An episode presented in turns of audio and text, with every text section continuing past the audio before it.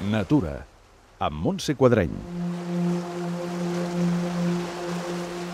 Ideal per conèixer la biologia i l'ecologia del mar Mediterrani, al vell mig de la Rambla de Badalona hi trobareu l'Escola del Mar, centre d'estudis marins que pretén promoure actituds de respecte envers el mar.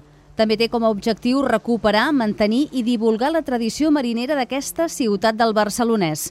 Maria del Mar Mascarenyes n'és la directora. L'Escola del Mar, que és un centre d'estudis marins de, de Badalona, es va crear l'any 1987 amb, amb, amb la idea i amb la voluntat de mantenir vius els vincles que, que tenien de sempre els badalonins amb el mar.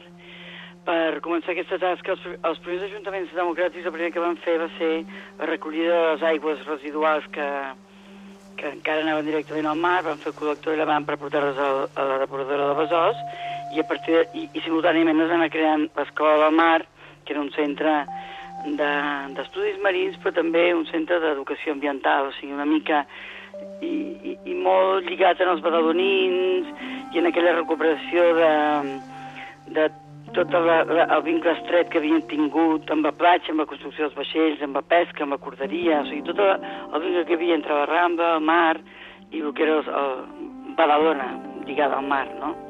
Disposa de sala d'actes, biblioteca, laboratori, però que més atrau als visitants és l'aquari. Bé, l'aquari és l'espai més atractiu dels que tenim. Es poden observar en viu diferents ambients submarins característics de, de, del litoral mediterrani.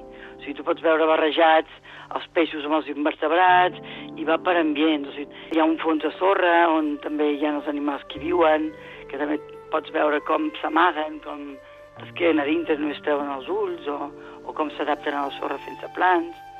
L'Alguer, una comunitat que està ambientada amb els peixos singulars, hi ha els cavalets de mar, generalment, ara en tenim pocs perquè ens costa trobar-ne, hi ha el fons rocós, i també hi ha un fons coraligen on, on pràcticament no hi arriba el sol, eh, i és un fons on trobaríem els corals, per dir-ho d'alguna manera, no? I on hi ha molts invertebrats marins que són atractius, que tenen un coloridor bonic, etc.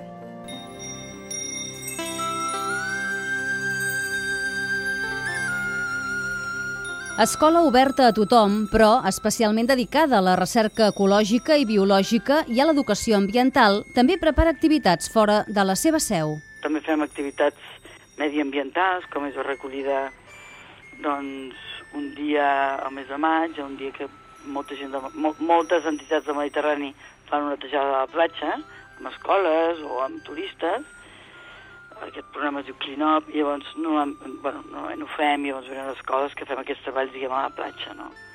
I una altra cosa que fem exterior, perquè l'escola mar l'edifici és petitó, està a la Rambla, davant del mar, però és una típica casa de pescadors, llavors els espais són limitats, no podem tenir grans, grans afluències, normalment un, un, una classe la partim per la meitat, la meitat està a l'aquari i la meitat al laboratori. Llavors, com que tenim aquesta limitació, també fem els mateix, alguns d'aquests mateixos tallers que en diem mòbils, que els exportem els instituts.